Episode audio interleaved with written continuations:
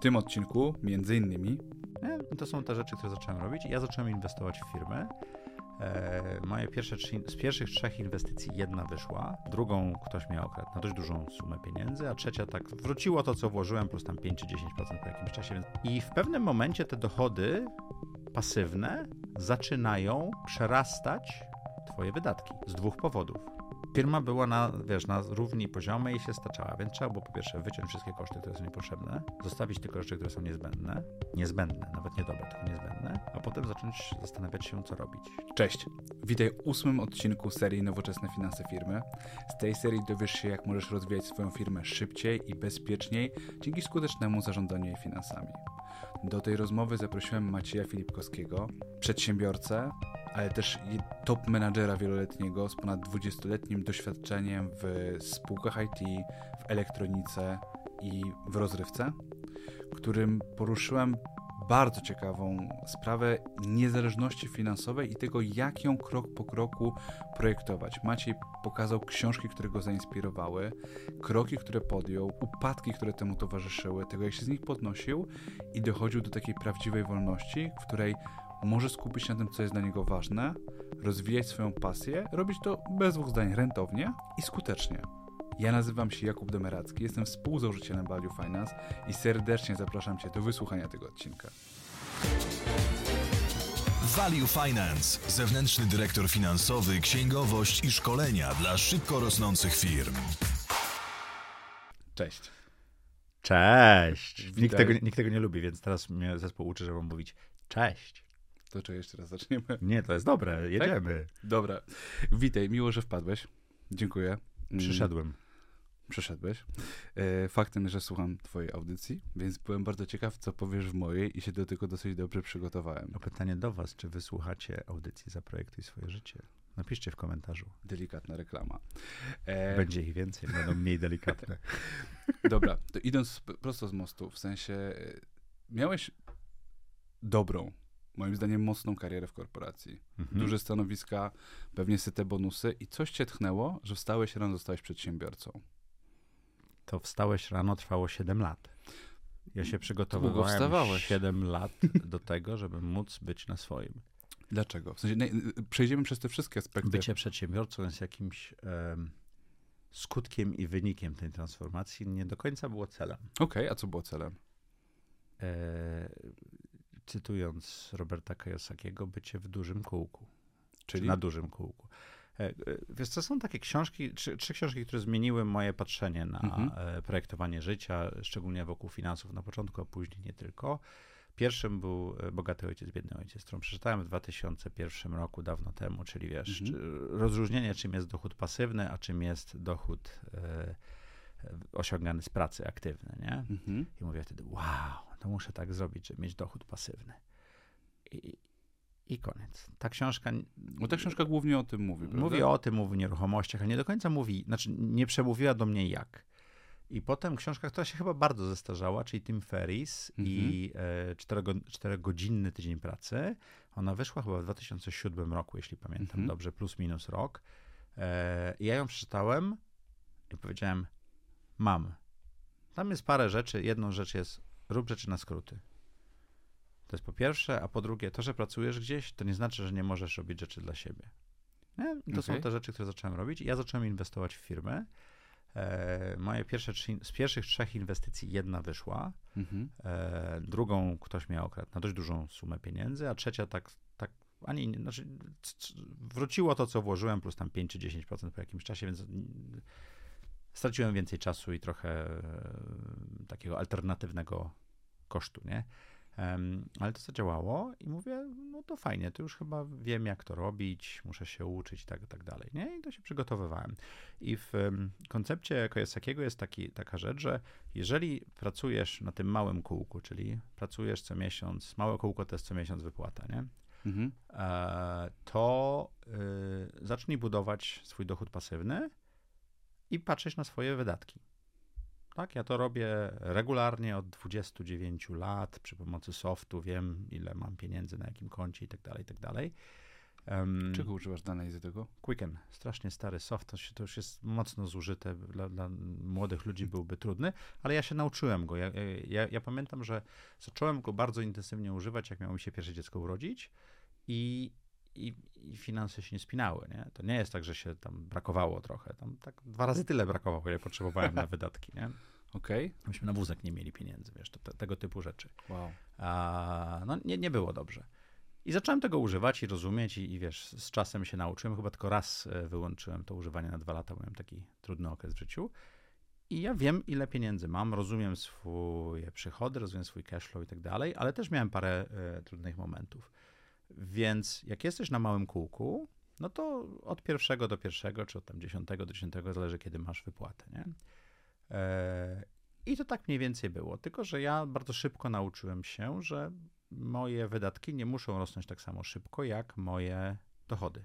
A mhm. dochody rosły w miarę szybko, no bo e, po pierwsze dużo pracowałem, po drugie rozumiałem chyba na czym polega, wiesz, skuteczne pracowanie i, i firmy mnie promowały.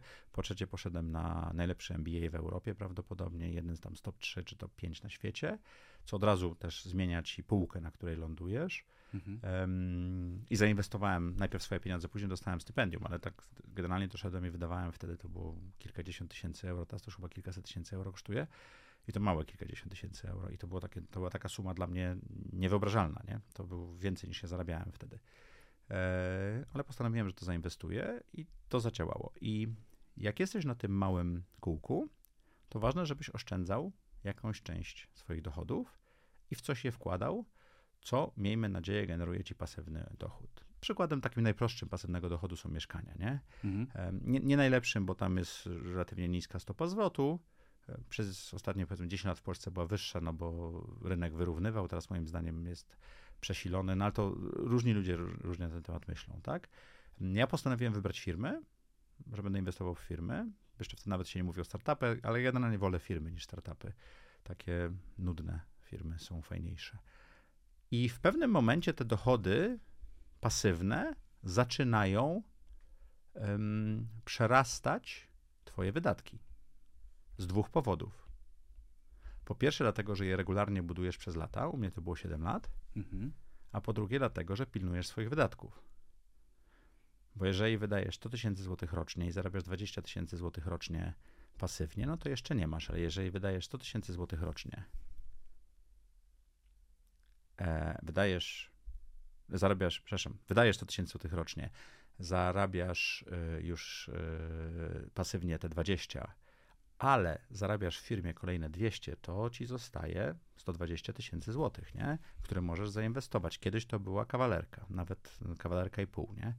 Um, i mogłeś coś takiego zrobić. U mnie gościem parę razy był Sławek Muturi, który też opowiadał. On pracował w e, Później to był Ernst Young, zapomniałem jak oni się, Andersenie, tak? Mhm. E, jako konsultant, jako tam menadżer i tak dalej, zarabiał dużo pieniędzy, jeździł do Łodzi i kupował mieszkania, tak? Za, za każdą pensję i za każdy bonus kupował mieszkania, aż doszedł do kilkuset mieszkań i pewnym, teraz ma firmę, która zarządza e, tysiącami mieszkań, również dla, dla nas, tak?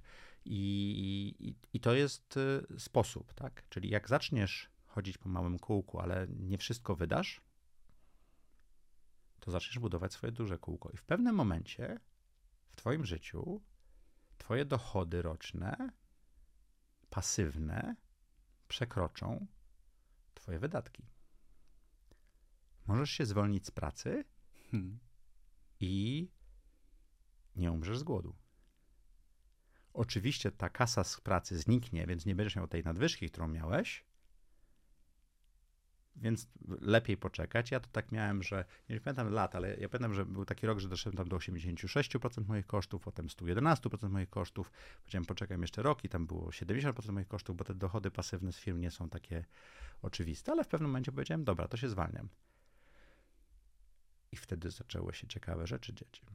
Z moim ego bardziej niż nawet z pieniędzmi. No Dlaczego? bo masz to wszystko poukładane w głowie. No bo jesteś szefem Dela na 27 krajów. Już nawet nie jesteś prezesem Dela w Polsce.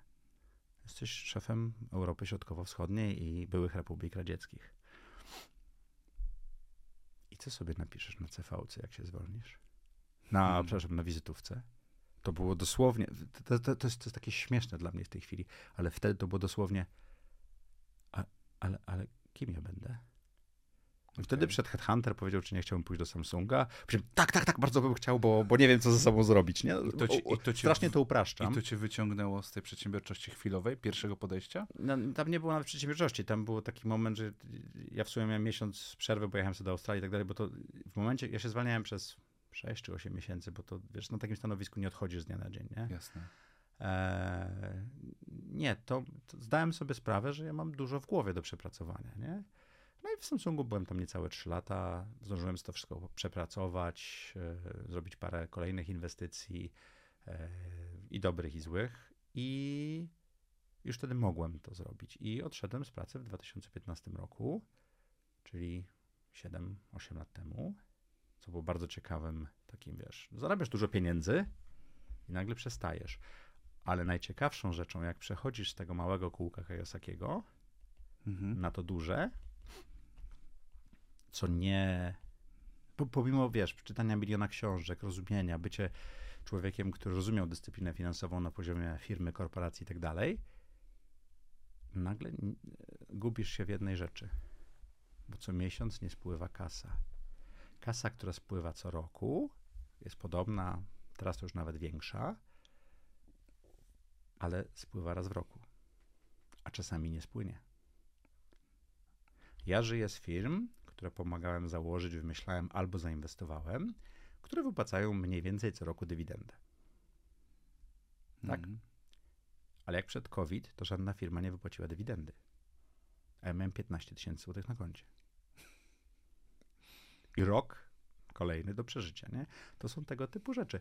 Ja pamiętam, że był taki moment w moim życiu w wieku tam 48 czy 49 lat, y, że musiałem pójść do rodziców powiedzieć, pożyczcie mi na życie, bo właśnie się urodziły wasze kolejne wnuki i mm, walnąłem się, potrzebuję kasy. Takiej normalnej kasy na, na codzienność, nie? Ogromna odwaga coś takiego powiedzieć, bo wiesz... to, budu- nie, to, nie, jest- to nie jest odwaga, to Ale jest bud- wstyd. Idziesz, idziesz do starych i mówisz, daj mi kieszonkowe na kino, co? Ale takie wiesz, w tych, tych rozmowach kuluarowych, które, które już w jakimś takim większym zaufaniu prowadzi się z przedsiębiorcami, nie chcę powiedzieć, że każdy musi przejść tą drogę, bo byłoby to absurdalne, ale to jest taki trochę immanentny element, czyli taki, bez którego się czasem nie obejdzie, że są takie zakręty, bo w korpo jest dobrze, jest bezpiecznie, Znaczy mogą cię zwolnić, ale to znajdziesz coś w ciągu pół roku. inne, w sensie no, albo trzech miesięcy i e, e, nie masz tej fluktuacji, która gdzieś tam zaburza ci głęboko poczucie bezpieczeństwa. Ale wiesz, dlaczego tyle zarabiasz jako przedsiębiorca? Na koniec. Podejmujesz takie ryzyko. No właśnie, no bo to jest w I, ogóle I ryzyko. podejmujesz takie ryzyko i podejmujesz również to, że prawdopodobnie przez pierwsze lata nie będziesz zarabiał nic albo bardzo niewiele. Ale to jest też w ogóle, wiesz, ale opowiedz o tym, jeżeli mógłbyś wejść głębiej w to przeżycie. 49 lat. Jesteś dojrzałym facetem z mocnym Jak bardzo możemy przeklinać u ciebie? Nie wiem, jak bardzo cenzurujesz. To było strasznie pip e, uczucie, tak? No to było strasznie złe uczucie. No, no, twoja wartość, samoocena, e, czy te wzorce społeczne, które masz, wiesz, tego prowajdera, który ma dla rodziny dawać i tak dalej, nagle się zderza z rzeczywistością, że ty nie masz. Co zresztą, e, to, to, był to było mniej więcej półtora roku po tym, jak ruszyłem z korpo. Potem przyszedł COVID. Ja już byłem le- lepiej na to przygotowany, ale drugi błąd, który popełniłem, czy już miałem pieniądze, wiedziałem skąd wyjąć pieniądze, żeby mieć na życie w tym roku covidowym, więc tutaj nie było problemów z tym. Ale miałem za mało pieniędzy, żeby inwestować. Bo rok covidowy był idealnym rokiem, żeby kupować rzeczy tanio. I jak sobie wtedy radziłeś? No przeszły mnie okazje. Mm, Okej. Dzwonili do mnie ludzie, że potrzebowali, nie wiem, kilkaset tysięcy złotych do firmy, która w tej chwili, wiesz, te, te, te, nie wiem, to było 200 tysięcy złotych powiedzmy, nie pamiętam jaka to była suma, to by było warte pewno między 2 a 6 milionów złotych teraz. No, ktoś inny na tym zarobił. Okej. Powiedziałeś... Więc y, bycie przedsiębiorcą to jest również, na przykład w 2023 roku, to posiadanie dużej ilości wolnej gotówki. No w kryzysie to jest najlepsze, co możesz mieć. Takim prawdziwym. Bo wtedy są okazje. I kupujesz tanio. Tak, nie wtedy, kiedy pieniądz był za darmo i wszyscy mogli kupować i kupowali drogo, tylko wtedy, kiedy większość modeli biznesowych z z ostatnich pięciu lat się wywali, ale niektóre są bardzo dobre, tylko muszą się przestawić i mogą potrzebować wsparcia. I wtedy można bardzo tanio coś uzyskać. Prawda? Powiedz, powiedziałeś trzy książki, wymieniłeś dwie. Bogaty, Mhm. biedny ojciec Tim Ferriss 4-godzinny tydzień pracy. Co jeszcze jest na twojej prywatnej liście takich game changerów? To już było po odejściu z firmy i szukałem takie, jest taki odcinek na samym początku u mnie w audycji 23, to jest pierwsze solo, Mhm. gdzie mówię właśnie, na, na moją pięćdziesiątkę nagrany, tak? E, Gdzie właśnie mówię o takich trzech, trzech filarach moich, nie? I jednym z filarów to było to, że ja mam, miałem chęć uczenia się zawsze. Mhm. To jest jedna z moich podstawowych wartości. Drugą jest niezależność, nie mylić z wolnością. Ja nie chcę zależeć. Wyobraź sobie taką marionetkę, która tylko wybiera niektóre sznurki, na których będzie wisiała. Rodzina, wiesz, dzieci, przyjaciele, ale cała reszta sznurków odcina. Nie? Mhm. Czyli nie mogą ludzie pociągać. To jest niezależność dla mnie, ten obraz. I, I mi brakowało takiej trzeciej rzeczy. I zupełnie przypadkiem tak, taki. Jak masz swobodę czasu, myślenia i wolność finansową, to masz czas, żeby obserwować świat i ten świat zwraca się do ciebie i tak dalej. Tak powstała audycja, bo wpadłem na ten pomysł i tak przyszła do mnie ta książka. To była książka Bena Zandera, e, The Art of... Jejku, zapomniałem, widzisz? Poczekajcie, muszę sprawdzić. E, I tam jest taka wartość, którą odkryłem, czyli oddawanie. To znaczy? Audycja jest oddawaniem na przykład. Oddawaniem tego, co- dostałeś przez lata od społeczeństwa, z tego, co coś Contributing, nie? Okej. E, On napisał taką fajną książkę razem ze swoją żoną Rosalindą, gdzie on jest dyrygentem bostońskiej orkiestry symfonicznej i mówi o tym, jak zarządzać e, The Art of Possibility, czyli po polsku, nie wiem, czy ona w ogóle wyszła po polsku, bo wyszła, czyli e, Sztuka możliwości. Sztuka możliwości chyba taki byłby. Sztuka szansy. Nie, sztuka możliwości chyba Tak? Okej. tym. Przepraszam za tą przerwę, musiałem aż sprawdzić na komóreczce. E, I Rosalinda pisała taki, jak zarządzać sobą, a on pisał, jak zarządzać zespołem. I tak co Mhm. drugi rozdział jest.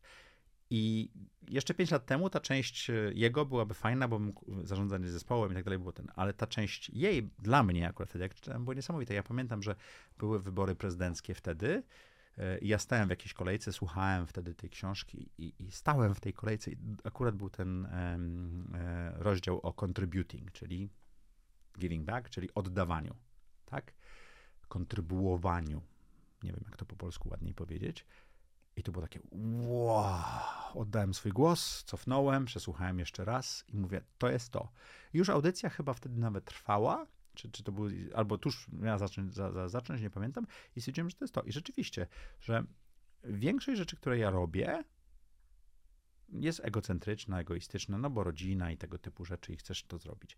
Ale jest taka duża część mnie, która robi rzeczy po to, żeby innym było z tym dobrze. Audycja Zaprojektuj swoje życie jest między innymi po to, żeby ludzie mogli się inspirować, uczyć, spotkać ludzi, których nie spotkają na milionie kanałów YouTube'ów i oni tak występują. Raczej są mniej popularnymi osobami, mają bardzo ciekawe rzeczy do powiedzenia.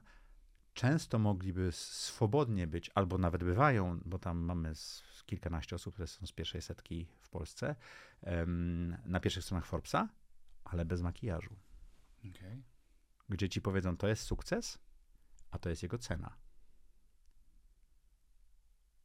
To jest kasa, a to jest ile mnie to kosztowało, żeby to zdobyć. Nie? A nie taki, taki cukierkowy wywiad. E, Nie chcę takich rzeczy robić. E, Staram się zadawać pytania. Nie, nie zawsze oczywiście nie każda rozmowa wychodzi, nie? Ale generalnie tak to działa. I uczysz się od ludzi, jak to wyszło. Powiedziałeś bardzo ważne, bo jak gdyby wydaje mi się, że mm, będę starał się dalej w trakcie naszej rozmowy rozbudowywać twoją koncepcję bogaty, biedny ojciec. Ona też dosyć fajnie przekłada Prowadzący się... ma pytania i próbuje się ich trzymać. Nie, w najmniejszym stopniu. Nie, nie mieliśmy tego przegadanego, że opowiesz o trzech książkach. Mm, Bardzo mi się podoba to, że mm, ta koncepcja właśnie bu- budowania wyniku, bo ona później też można ją ładnie przełożyć na firmę. Ale jest, jest dla mnie też ciekawe to, czego ciebie korpo nauczyło, bo, bo wiem, że nauczyło ciebie dużej ilości dyscypliny, która w zarządzaniu finansami i zarządzaniu Dyscypliny biznesem, finansowej, tak? No właśnie. Dyscypliny, dyscypliny finansowej. umiejętności zarządzania czasem, umiejętności zarządzania priorytetami, dyscypliny finansowej E, ale nie takiej przedsiębiorczej. To jeszcze trzeba było zrobić, bo ona jest tak w 80% czy 90% podobna, ale jak robisz własną firmę, to jeszcze trzeba dodać parę. To opowiedz o tej dyscyplinie, którą widziałeś w korpo i później co, jak nanosiłeś te zmiany do swojego biznesu? Jedną z rzeczy, jeżeli pracujesz w oddziałach, wiesz, ja nie pracowałem w firmie, która była headquarter w Polsce i tak mhm. dalej, nie? To, że, że miała, że była, zazwyczaj to były oddziały firm dużych. E, kiedyś dawno temu pracowałem w takich mniejszych polskich firmach ale y, cashflow na przykład nie jest czymś, o co się musisz martwić, o czym rozmawiasz i tak dalej, no bo reguluje, firma, duża firma reguluje swój cashflow do e, lokalnych oddziałów zupełnie inaczej. Bardzo często jeszcze reguluje zyski cenami transferowymi i tak dalej, i tak dalej. Więc to jest rzecz, której nie ma.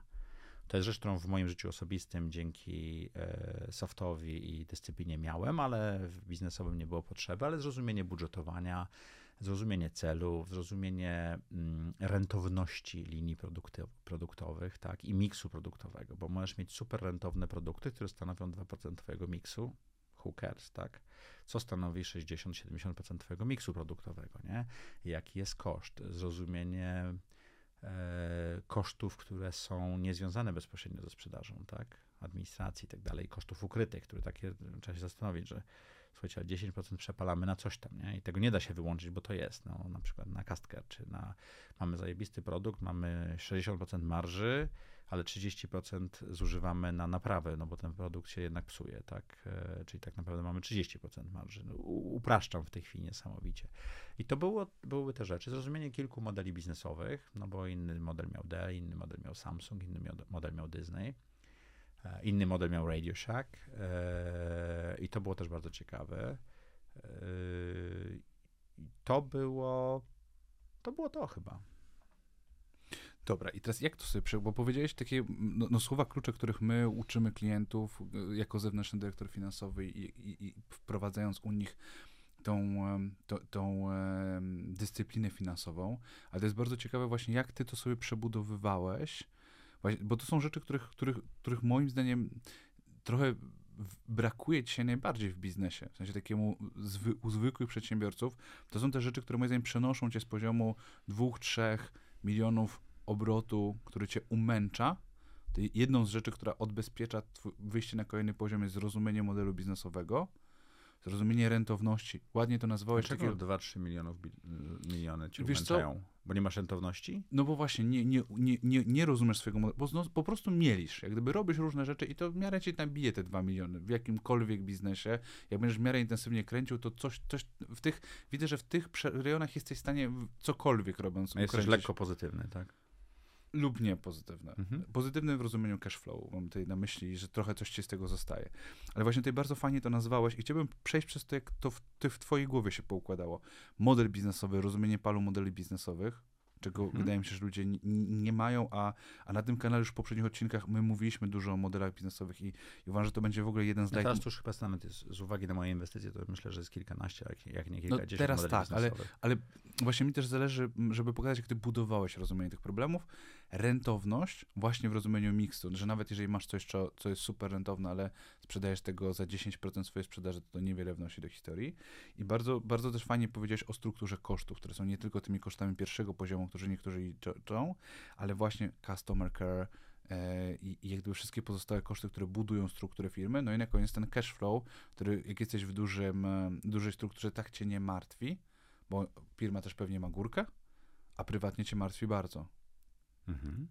Ja, jak, jak ci się to układało w głowie? W sensie po kolei, jakbyś to. Naturalnie. Okej. Okay. Czyli. I tu możemy zakończyć. Wiesz co?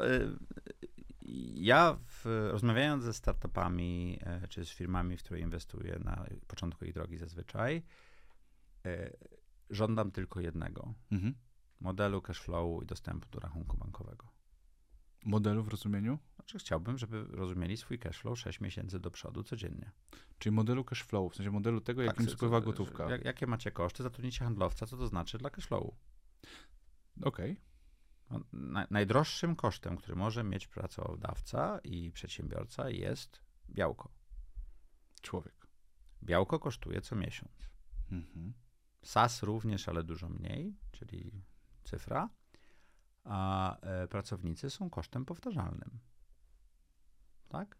Więc pytanie, czy dodatkowa osoba wygeneruje ci w jakimś określonym czasie, bo oczywiście nie od razu, yy, górkę na cashflow'le. Nawet niekoniecznie na zyskowności, tak? I cashflow jest super ważny. W startupach jest niezmiernie ważny, no bo dostajesz jakąś inwestycję, wydajesz x miesięcznie, no to to są takie, jaki macie burn rate, czyli ile, ile wydajecie co miesiąc i jaką macie długość pasa. Tak? Mhm. Że to kiedy wam ta kasa starczy? Czy to jest 6 miesięcy, czy 18 miesięcy, czy 20 miesięcy? Jak podniesiecie burn rate, to skraca wam się pas, nie? To są takie rzeczy. Pamiętam, że w Mobile Medzie, czyli takiej firmie, którą kiedyś, jeszcze, jeszcze w ostatnim chyba roku mojej pracy założyłem z moim rehabilitantem Tomkiem Łomiłkiem, bardzo fajnym człowiekiem. Yy, I wyszedłem, zacząłem nią zarządzać, co było fatalne tej firmy, bo ja byłem nieprzygotowany do zarządzania tak małą strukturą. Mm, no prawie, prawie zmęczyłem. Na szczęście przyszła bardzo profesjonalna pani e, prezes, która przejęła firmę i firma super działa teraz, ale ona przejmując ode mnie, przez 18 miesięcy, może nawet dwa lata, mieliśmy tylko jeden KPI i tylko jeden raport, na który wszyscy patrzyliśmy raz w tygodniu. Jaki? Cashflow. Okej. Okay. Tylko cashflow nas interesował. Czy wpływa więcej niż wypływa i czy w przyszłym miesiącu wpłynie więcej niż wypłynie. Ale w tym myśleniu, który ty teraz pokazujesz... Ty... Bo firma była na, wiesz, na równi poziomej i się staczała, więc trzeba było po pierwsze wyciąć wszystkie koszty, które są niepotrzebne, zostawić tylko rzeczy, które są niezbędne, niezbędne, nawet nie dobre, tylko niezbędne, a potem zacząć zastanawiać się, co robić.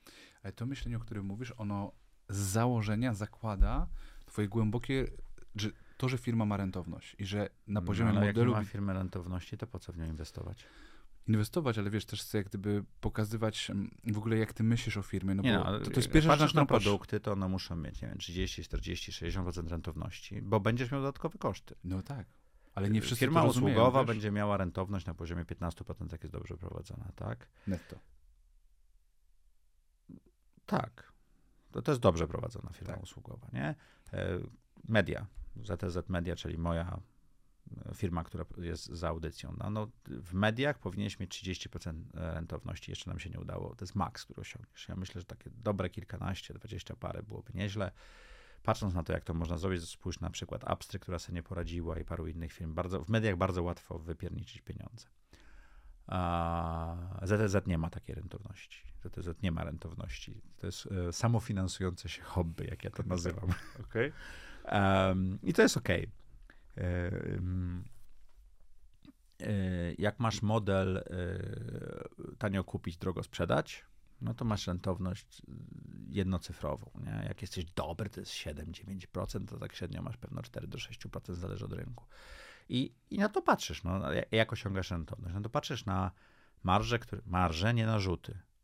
Tak, proszę Państwa, jest bardzo duża różnica między marżą a narzutem. Jeżeli nie rozumiecie, to proponuję wejść, zatrzymać ten podcast, czy tą audycję, wejść do internetu, zapytać ciotki Google, czym się różni marża od narzutu i nauczyć się tego na pamięć, bo nie można mieć 200% marży. Nie, to jest, e, zrobimy w tym tym- wszechświecie tego nie ma. Odcinek, tak. Dużo osób ma 200% marży. Nie jest to, nie jest to możliwe. Ale Nie, można mieć 66% marży i wtedy ma się 200% narzutu. Tak to działa. Ale to zrozumienie, i to, to jest, skąd to się wzięło u mnie, bo w Radio Shack, czyli w, w firmie detalicznej pracowałem i tam było tłumaczone. Marża to jest marża, a narzut to jest narzut, tak? Czyli było margin and markup. To nawet po polsku lepiej, lepiej po angielsku chyba trochę lepiej brzmi markup, nie? Czyli No tak. narzut, nie? A tutaj margin. E, No więc e, produkty powinny mieć tam rentowność, zależy od biznesu, 20%, e, e, 20% marży do 60% marży, zależy co to robisz. W usługach dużo więcej, no masz kupę innych kosztów, e, w e, sprzedaży trochę mniej. Możesz mieć bardzo niską marszowość, ale wtedy olbrzymie obroty. Ja jestem w Morelach, zarówno inwestorem, jak i przewodniczącym Rady Nadzorczej, czyli portal e-commerce'owy sprzedający przede wszystkim elektronikę, ale nie tylko, coraz więcej. E, I tam masz milia- miliardowe obroty, więc możesz zmniejszyć sobie rentowność per Unit. produkt i tak dalej, bo na wolumenie to robisz, nie? To hurtownicy tak działają i tak dalej, i tak dalej. I, I te modele wszystkie są. Jeżeli rozumiesz swoje produkty, na czym zarabiasz i tak dalej, no to super. Nie wybieraj biznesu, który ma jednocyfrową rentowność. Dlaczego? Bo jak zawieje cokolwiek, COVID, wojna, zmiana walut, tak dalej, to nie masz Powietrze. specjalnie miejsca na to i możesz mieć stratę w pewnym roku, albo cashflow ci się nie zepnie. Jeżeli masz model, który ma 30% rentowności, to jak ci spadnie o połowę twoje, e, twoje obroty czy zyskowność i tak dalej, to dalej tam powinno być miejsce na to, żeby się chociażby utrzymać, nie? E, Więc to jest taka rzecz. Nie wiem, czy odpowiedziałem na twoje pytanie. Odpowiadasz konsekwentnie. Bo to też jest takie pytanie, bo ty teraz dużo żyjesz z inwestowania w spółki i inwestujesz skutecznie, no bo to... te Nie, ja spółki- inwestuję w większości nieskutecznie, ale raz na jakiś czas trafia mi się samorodek, który pozostaje ze mną. Ale oceniając z perspektywy całego portfolio, inwestujesz skutecznie, bo... Proszę, proszę Państwa, to, to ważna informacja dla Was. Jeżeli myślicie o założeniu własnej firmy, czy znalezieniu super pracy, czy zainwestowaniu, to wszystko, co musicie zrobić przy setce pomysłów, to raz się nie pomylić i trafić w ten samorodek. On zapłaci za 99 błędów. Fajna uwaga. Trafiasz w te samorodki. Raz Trafiłeś. na jakiś czas mi się zdarza. Widzisz jakąś powtarzalność pewnych zjawisk? Widzisz... Tak. Bo ty w ogóle chyba kurs zrobiłeś o tym. Zrobiłem kurs o inwestowaniu. Nowa e, wersja wyjdzie, myślę, że w, marcu 2023, 2.0, która będzie kursem kohortowym. Bo zrobiłem kurs o inwestowaniu w startupy, chcę go trochę zmienić, bo uważam, że to nie chodzi o inwestowanie w startupy, chodzi o inwestowanie w firmy. Startupy też by, mogą być firmami, czy firmy i biznesy. Zaraz do tego przejdziemy, bo to też jest Poczekaj, bardzo poczekaj, ważne poczekaj, tylko, no. tylko skończę, nie? E, I, I zrobimy taki kurs, w którym będzie, po pierwsze jest kupa materiałów już nagranych i będą dograne, ale oprócz tego będę też, bo, bo rzecz, której się nauczyłem, e, dzięki e, Szymonowi zrobiłem kurs na Gaczowi, który chyba był twoim gościem. Był. I on mnie tam kopnął w tyłek, żebym to zrobił i to zrobiłem.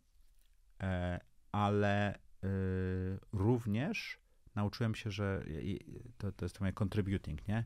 Mhm. 60% osób, nie, przepraszam, 40% osób nie otworzyło tego kursu, które kupiło, a 60% osób go nie skończyło. Z tych, co otworzyły. Więc to nie o to mi chodziło. Ja chcę ludzi nauczyć inwestowania w firmie. Kur- Kurs jest cholernie drogi, ale dlatego, że jak myślisz o inwestowaniu kilkuset tysięcy czy kilku milionów złotych, no to zainwestuj najpierw w wiedzę. Tak? I chcę zrobić kohortowo, czyli ten. E, Wracając, czego mnie nauczyło inwestowanie? Lubię nudne biznesy Bo... bo cegły zawsze będą się sprzedawały. Dachówki też. I to jest jedna z twoich e, kluczowych. A IoT, nowy zegarek, nowe coś tam, może będzie działało, ten nowy ring, który, ta nowa obrączka, która coś mierzyła, jest zajebista i tak dalej. Ale czy ona za 5 lat będzie zajebista? Jeżeli dachówki się sprzedawały 200 lat temu, to prawdopodobnie będą się sprzedawały za 200 lat. Oczywiście Lech Kaniuk może mieć inne zdanie, bo jego Solar Roof będzie robił ci dachówki ze szkła, które również przewodzą, e, generują prąd.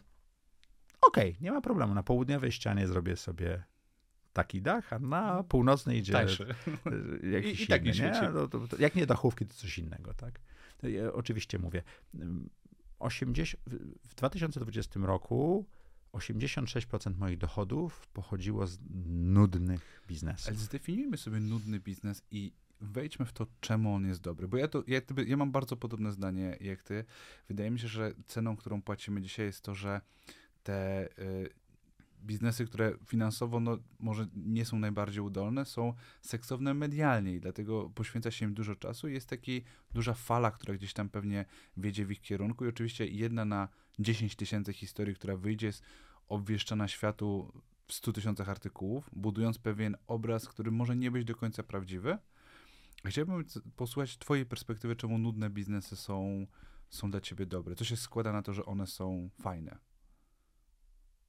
bo mają sprawdzone modele biznesowe, bo zazwyczaj nie mają konkurencji, albo ta konkurencja jest ograniczona geograficznie, no bo nudne biznesy sprzeda cegieł do, nie wyślesz ce- cegieł do Dubaju, tak?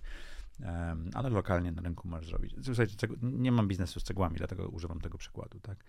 Mm, A byłbyś otwarty na tyle, żeby powiedzieć o którymś swoim biznesie, bez nazwy nawet, ale tak wiesz, żeby, bo pewnie jakiś taki w, w, w, wgry- wgryzłeś się w model biznesowy tej firmy, jesteś w stanie wyciągnąć takie smaczki, nie? No to mogę opowiedzieć o biznesie, w który zainwestowałem 4 lata temu. Mhm. E, Moja pierwsza inwestycja to chyba było 14 tysięcy złotych, bo mieliśmy pomysł i trzeba było sfinansować test tego pomysłu. I potem doinwestowałem, tam na koniec to było kilkaset tysięcy złotych, bo tak jak biznes rósł, to trzeba było zrobić. To się nazywa karot.pl.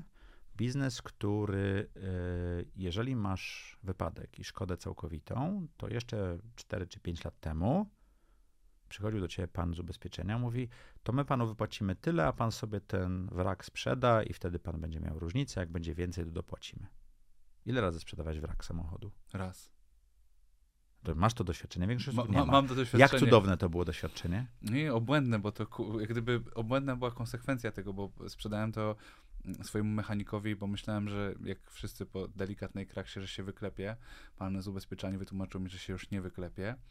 E, sprzedałem mu to, jakoś potrzebowałem czegoś od niego chyba, jak zwykle, jak mu oddawiałem samochód, to zajmowało 3 miesiące, żeby wymienić wycieraczki. Natomiast jak mu wstawiłem ten wrak, to po tygodniu chyba u niego byłem, i coś tam I potrzebowałem. już było zrobione. Już był skończony, już był sprzedany. I ktoś tym jeździ? Tak, ale mówi, że się nie daje do jazdy. O jest, to nie apteka, no. Więc y, tak. No ale tu miałeś łatwość, bo ktoś od ciebie kupił. Większość osób nie ma tego doświadczenia. Nie? Aha, no sprzedać wrak komuś to może nie być to, najprostsze. to nie jest takie oczywiste. Nie? Okej. I, i, I to działało. Więc y, byli ludzie, którzy kumali, bo byli z branży ubezpieczeniowej kiedyś tam dawno i rozumieli ten problem. Mhm. No i powiedzieli, słuchajcie, trzeba to zrobić. Takie firmy są w Stanach Tak? i w Europie. Tak, to są Okej. firmy, które mają wiel, wielomiliardowe obroty i, i olbrzymie wyceny, tak? I działają, zaczęły od szrota, tak? Mieli szrota, zaczęli to robić, tak dalej, tak dalej. Te wszystkie samochody kupowane na giełdach w Stanach to zazwyczaj od jednego czy drugiego prowajdera tam, który to mają. No i zrobili ten model, zaczęli to wozić, kupili lawety, zaczęli to wozić. Oczywiście zaczął się COVID. Jak jest COVID, to mało osób jeździło, więc mało, mało wypadków, wypadków. było i tak dalej, i tak dalej. Więc trzeba było firmę dość znacząco dofinansować, bo trzeba było przetrwać rok. No ale po czterech latach firma zaczęła wypłacać zyski. I wypłaciłem mi 80% mojej inwestycji. W przyszłym roku, znaczy w przyszłym roku, czyli w tym roku, bo już nagrywamy, prawdopodobnie wypłaci bardzo podobny zysk, czyli to już będzie 100, 150, 160, 140% tego, co włożyłem i tak będzie co roku. To nie są duże pieniądze, nie? To, to, to, to taka, wiesz, no, pensja programisty może by wyszła początkującego z tego rocznie. E, No ale jak się ma takich rzeczy kilka w portfelu, to to się dodaje. Chci- Chciałbym jeszcze wejść w ogóle wynikowo w te nudne biznesy, bo to, co moim zdaniem tam jest fajne, to poza sprawdzonym modelem biznesowym, tam też jest pewna zweryfikowana rentowność, którą po prostu na benchmarkach też możesz jej szukać gdzieś. Na, na początku nie do końca wiesz, bo musisz przetestować. Znaczy masz pomysł na model, widzisz, że to działa, ale nie do końca wiesz, jak to zadziała, tak? Yy, No, no przykłady były takie, że w pewnym momencie nam się op- opłacało zrobić duży capex, czyli wydać pieniądze na własne lawety, bo wynajmowanie lawet na, początku, na samym początku biznesu opłaca ci się płacić dużo więcej jednostkowo, Żeby bo nie masz tych pieniędzy. model. żeby zweryfikować model, bo to łatwo wyłączyć. Później opłaca ci się mieć własne e, lawety, akurat w tym modelu, Czyli, żeby klucz, klucz, czyli kluczowe aktywo, które gdzieś tam jest Tak, najdroższe. ale w potem się okazuje, że nie możesz go kupić, bo, bo, bo nie można kupić samochodów, a co to dopiero, wiesz, specjalistycznych e, wozów i tak dalej. Więc tego typu rzeczy e, zaczynają wychodzić, nie? Czy, wiesz, gdzie masz place, na które zwozisz geograficznie w Polsce i czasami ci się może opłacać zapłacić za plac dwa razy więcej. Bo ty też to musiałeś chyba środowiskowo zabezpieczyć tam. Ja? Że twoja firma. Ja, ja nie wiem, co oni robią dokładnie. Okej. I to jest piękne. Ja rozumiem, kto tym zarządza. Ja im pomagam w tych obszarach, które ja rozumiem, ale całej reszty nie. Ale tak, tam są zabezpieczenia środ- środowiskowe, bo masz e, benzynę, masz ropę, masz oleje i musisz się tym wszystkim zająć również, tak. Dobra. Mm, Co jeszcze? Nudne biznesy to jest pierwsza rzecz. Nudne, ale w rozumieniu powtarzalnego cash flowu. No, ale nudnym biznesem na przykład jest MobileMed, tak? Czyli firma, która ma 350 chyba też 400 rehabilitantów w całej Polsce i dojeżdżamy, jeżeli będziesz potrzebował rehabilitacji, to my przyjedziemy do ciebie do domu. Okej. Jeżeli twoja firma potrzebuje zorganizować e, Dzień Zdrowia czy coś takiego, to my to obsłużymy. Albo zorganizujemy na twoim magazynie czy w twoim biurze stałe miejsce, gdzie jest e, opieka rehabilitacyjna, czyli jak ktoś pracuje na magazynie, ma problemy od, spod, od podnoszenia z plecami i tak dalej, to każdy pracownik może coś takiego zrobić. Takich biznesów jest bardzo dużo, no ale oni znaleźli model, e, naprawili moje błędy, bo ja kiedyś tą firmą zarządzałem, Mhm. i, po, I robią powtarzalnie, co roku to samo, rosnąć co roku i tak dalej, i tak dalej. Więc to też tak działa. Ale to nie jest nic ekscytującego, to jest firma usługowa. Okej. Czy jest coś, jest jakaś kolejna cecha, która ci się powtórzyła? E, dobry i zaangażowany zespół. I zazwyczaj e, to jest tak, że e, jeden ze wspólników zazwyczaj posiadający dużą część udziałów, 25, 30, 40 nawet procent, czasami nawet więcej niż pół, e, jest tym, który jest zarządzającym tą firmą. Albo we dwóch są tymi, którzy zarządzają tą firmą. To robi olbrzymią różnicę.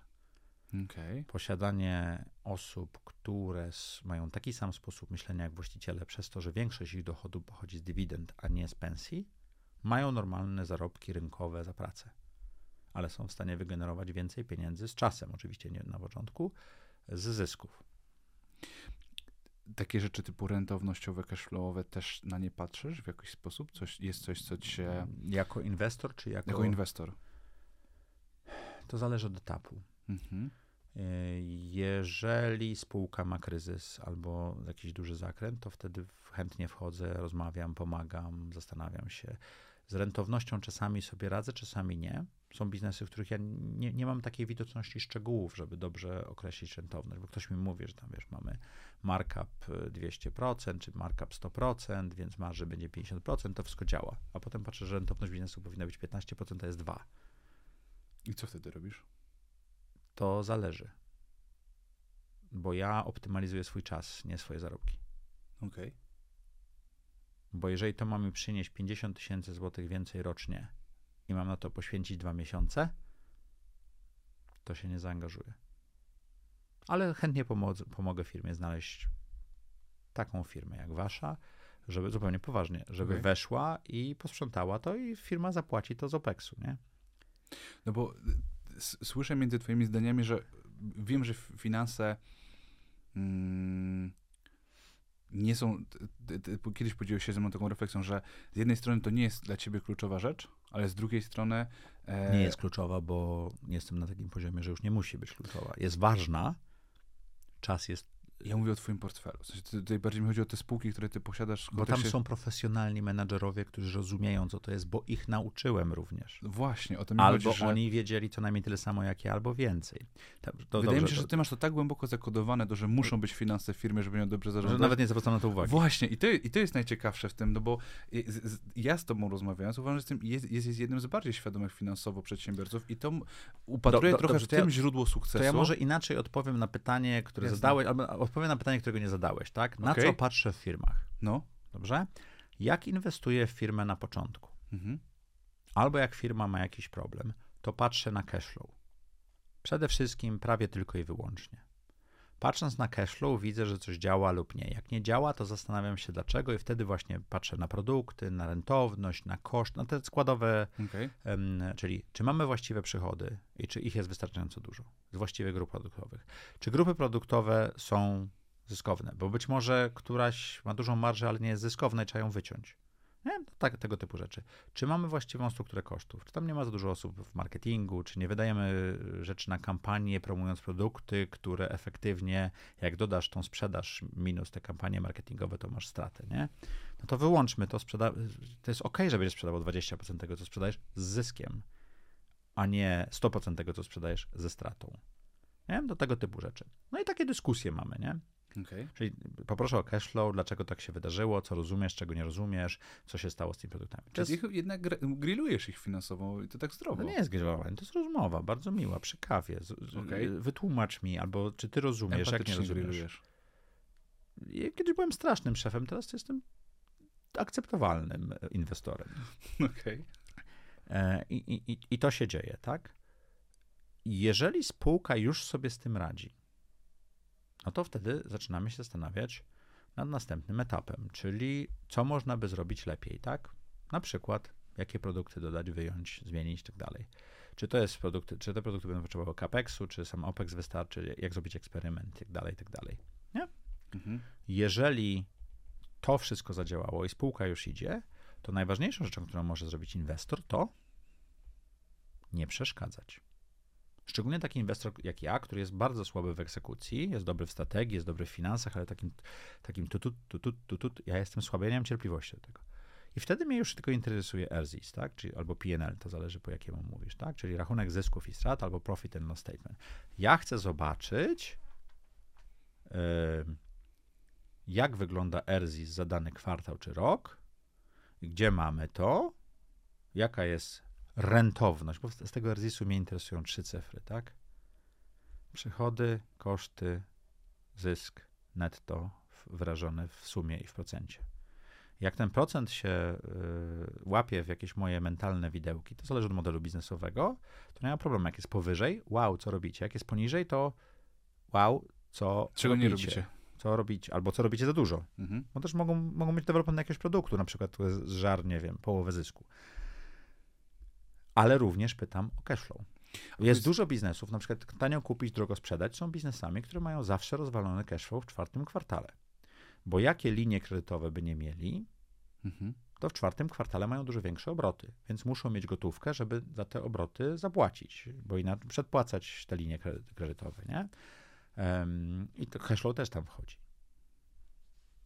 A jak patrzysz sobie na rentowność, to, to ty, bo ty powiedziałeś przychody, koszty, zyskowność, a rozbijasz sobie rentowność jeszcze, bo trochę tak to zrozumiałem, że ty jednak prosisz też o rentowność po produktach, po liniach, bo dopiero wtedy ty jesteś w stanie Ale ja zrobić tak- nie znam większości tych produktów i linii. Okej. To jeżeli jest problem, Mhm. to robimy warsztat z zespołem zarządzającym i ja im zadaję tego typu pytania, ale które produkty wam działają? Ile one stanowią procent obrotu? Jaką mają marżę, czy też markup? To zaz- zazwyczaj marżę, tak?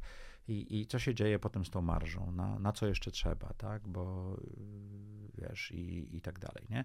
I czasami, e, weźmy, MobileMed jest dobrym przykładem. Wejście do dużej firmy, żeby tam było miejsce, gdzie można masować pracowników, jest dużym kosztem. On nie jest do końca capexem, nie? To jest bardziej opex, tak? Ale tam wchodzisz, no musisz urządzić to pomieszczenie.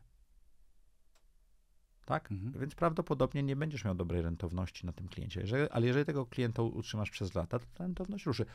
Studio, w którym jesteśmy, Mhm. no trzeba było je urządzić, te mikrofony, ten stół. Słuchajcie, pierwszy raz jestem w studiu, w którym jest wygłuszana podłoga i to krzesło tak się śmiesznie buja. Muszę powiedzieć, że studio Zaprojektuj swoje życie ma jeszcze kawał roboty przed sobą, żeby wygłusić podłogę. No i oglądam, mówię, no, Ktoś to zainwestował. jest to fajnie zrobione, jest to dobrze zrobione. Nawet te deseczki tak fajnie wyglądają, tak ładnie nie mam, tak? Mam co innego. I teraz potrzebujesz czasu, żeby ta, ten capex się zwrócił, nie? No, nie, nie, nie, nieważne jak księgowo to zapiszesz, czy to jest capex, czy opex, tak? Jak jest po polsku capex i opex? CAPEX no to są capital expenditure, czyli takie w- inwestycje kapitałowe, a OPEX to operation expenditure, czyli tak jak twoje koszty bieżące. Czyli koszty bieżące, inwestycje kapitałowe. Dziękuję. Jeżeli nie wiecie, co. Ja dalej będę używał capex i opex, bo to skorpo mi zostało, ale to jest takie. No to jest, to jest też z finansów korporacyjnych, tak się Tak, mówi w, tak. w dużych finansach. Czyli Ale OPEX, efektywnie to, co na co dzień... Inwestycje to jest to, co wkładacie pieniądze, żeby to wam przez lata przynosiło jakąś korzyść, a to, to co na bieżąco wydajecie, to na bieżąco wydajecie. Tak? To, to, to jest w takim zakresie to, to używam. Tak? Kupienie samochodu to jest capex, chyba że go weźmiecie w leasing, to wtedy jest opexem. Tak? Mhm. Ale dalej jest capex, nie? bo to jest takie dobro, które tam używacie dłużej. Um, zgubiłem się. Cały czas jak gdyby kręcimy się dookoła tego do, do, do, pytania, A, raporty. a, a, Raport. analitykę i raporty i opatrzenie na bieżącą rentowność projektów. Był taki moment w moim e, życiu, jak ja zainwestowałem w kilkanaście startupów, że ja każdemu poświęcałem mniej więcej godzinę co tydzień, rozmawiałem z nimi i coś jeszcze, i coś jeszcze. I potem się okazało, że moja efektywność wcale nie była duża, bo dzieliłem tą pizzę na bardzo małe kawałki, nikt się nim nie, nie najadł dalej. Więc ja mam teraz bardzo prostą zasadę. Ja inwestuję w jeden startup w roku, nie więcej. Poświęcam mu jeden rok, żeby zespół przygotować do tego, żeby ruszyli dalej sami. Wtedy to nie jest startup, tylko bootstrap i sobie radzą. Albo z inwestorami, no to dalej jest startup, potrzebują finansowania z zewnątrz i pomagam im zebrać finansowanie, żeby ruszyli. Po, w drugim roku jestem dla nich tak raz na miesiąc i tak dalej, a w trzecim to już tak jak potrzebują.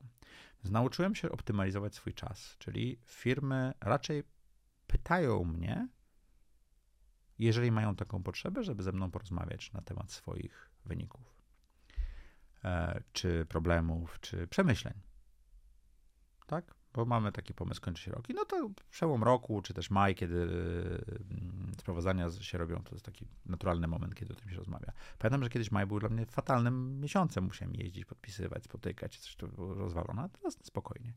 Więc ja optymalizuję swój czas, więc ty y, próbujesz zadać pytanie, czy ja siedzę w tych raportach i, i trzepię Znaczy, i tak dalej. wiem, nie, nie robię tego. Ja, wiem, ja patrzę na Erzis, ale ja patrzę na Erzis czy na e, Cashflow 5 minut, 7 minut, ja wiem, co tam się dzieje. Wiesz, bo rozumiesz. No tak. Ale to jest największa zagadka w ogóle. Ale kiedyś patrzyłem, y, patrzyłem na to przez trzy godziny, żeby zrozumieć, No potem właśnie. przez dwie i pół, potem przez dwie, potem... Ja teraz, wiesz, ja potrafię, prze, taki rentgen robię tego, mówię, ta cyfra dziwnie wygląda i tak dalej. pytam się, a co to było? A no wiesz, Maciek, bo nie chcieliśmy ci mówić, ale pojechaliśmy na taką wycieczkę całym zespołem gdzieś tam. Mówię, a, dziękuję ślicznie, to tam. To na drugi raz proszę, ale jak to zauważyłeś? Mówi, no tam tak wystaje, taka czerwona flaga machała do mnie, nie? nie, nie, nie, nie. Jest takie okienko, nie wiem czy znasz, nazywa się Joe Harry Window, tak? Czyli okienko Joe i Harry'ego, tak? I tam masz o kompetencjach, czyli masz y, nie wiesz, że nie wiesz. To jest Mhm. pierwsza rzecz, którą masz. Druga jest wiesz, że nie wiesz, czyli czas się uczyć. Trzecia jest wiesz, że wiesz, czyli jesteś bardzo dobry w tym, co robisz. A czwarta jest nie wiesz, że wiesz. Czyli jesteś po prostu, idziesz, wiesz, ze, ze mną I tak ty, ty rozmawiasz. jesteś na tym I, etapie. ale to jest cholernie trudny etap, żeby cokolwiek pomóc ludziom. I żeby być mentorem, czy coachem, czy rozwijać się, to musisz nauczyć się i cofnąć się do etapu wiem, że wiem. Bo ja nie potrafię na niektóre pytania odpowiedzieć, bo ja, jakbyś mi pokazał raport, to bym ci powiedział, co o nim robię. Ale jak mam o tym mówić teoretycznie, no, nie wiem, co wiem.